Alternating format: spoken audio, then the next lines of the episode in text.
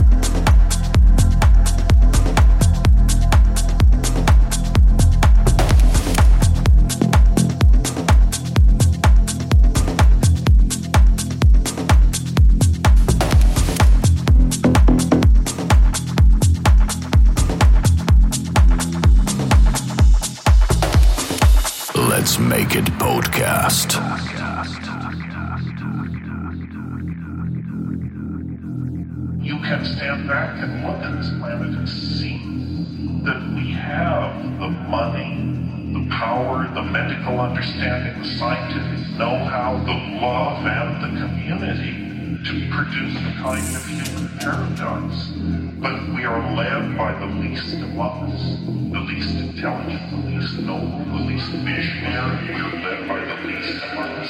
And we do not find back in the least.